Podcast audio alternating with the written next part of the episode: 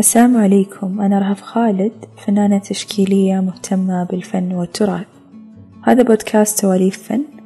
من هنا يتجلى الفن. آه، في الحلقة الماضية من بودكاست سواليف فن تكلمنا عن الفنون الكلاسيكية وأنواعها وصلتها ببعض. أما في هذه الحلقة فراح أتكلم عن موضوع الوسائط التفاعلية. هي فنون تشمل المسرح والسينما والموسيقى. وفي شيء ثاني يطلقون عليه الفن التفاعلي. راح أتطرق له في الحلقات القادمة عشان نميز بينهم. بداية الوسائط التفاعلية كانت مرتبطة بالجانب الديني. تقريبا بداية أغلب الفنون لها علاقة بالجانب الديني. المهم أنهم كانوا يسوون مسرحيات تمثل ديونيسوس آلهة اليونانيين القدامى. وبعد فترة صاروا مؤدو الطقوس زي ما يسمونهم يلبسون أقنعة. فتقريبا مفهوم المسرح واستخداماته كانت مختلفة جدا عن الوقت الحالي.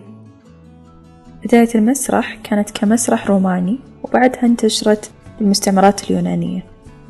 أما بالقرن السادس آه، قبل الميلاد بعض المصادر ذكرت أن بداية المسرح في اليونان القديمة بسبب شاعر ألقى قصيدة بشكل عفوي في أحد المهرجانات وصار له جمهور وبعدها وناس يدعمونه ماديا حتى بعدها صار في ضريبة خاصة برعاية الفنانين بسبب كثرة الدعم يعني والتبرعات. بعدها بنوا المسارح صار في كتاب مسرحيين صاروا كل مرة يكتبون نصوص أطول من اللي قبل بالأخير انتشرت عبر الثقافات. وبعد كذا في أوائل القرن العشرين ظهرت السينما. كانت عبارة عن مشاهد صامتة فكانوا الناس يفضلون المسرحيات عشان فيها صوت فيحسون إنه مشهد أكثر واقعية يعني. وبعد كذا دخل الصوت للأفلام وصاروا يفضلونها على المسرحيات. وانتشرت دور السينما وزادوا المعجبين. والسبب الأساسي إن زادوا المعجبين إن ظهرت لهم يعني تكنولوجيا جديدة وهي شاشات العرض.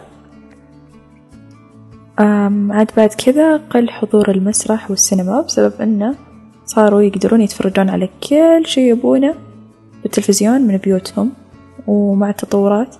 زادت القصص والأفكار اللي يمثلونها وزاد إعجاب الناس. أبي أتكلم آه، عن بعض الأعمال وآرائي الشخصية.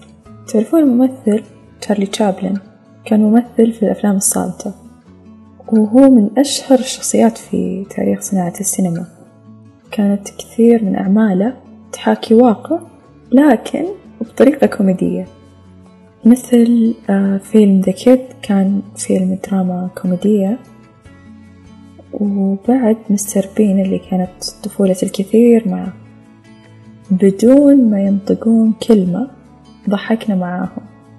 وثبتت كثير من المشاهد بعقولنا وهذا يثبت لنا أن الفن بإخراج العمل أكثر من أنه بالنصوص اللي راح تقال بالعمل.